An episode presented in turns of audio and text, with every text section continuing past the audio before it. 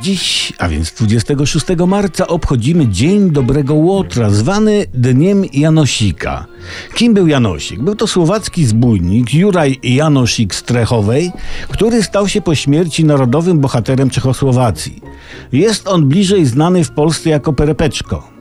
Legenda mówi, że Janosik zabierał bogatym i dawał biednym. I kiedy zabrał już wszystko bogatym, a rozdał właśnie biednym, potrącając sobie procent od transakcji, to bogaci stali się biedni, a biedni bogaci. I Janosik zaczął zabierać bogatym, którzy jeszcze niedawno byli biedni, i dawać biednym, którzy niedawno byli jeszcze bogaci, potrącając sobie procent od transakcji.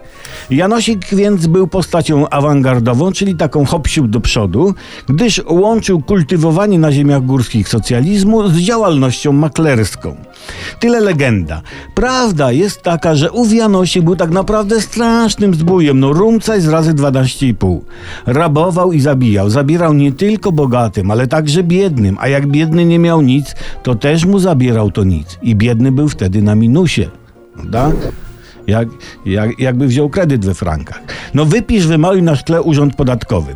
Janosik jest więc postacią uniwersalną, gdyż symbolizuje każdy rząd, który, żeby dać, musi wziąć, a nieraz nawet wziąć. Aluzja.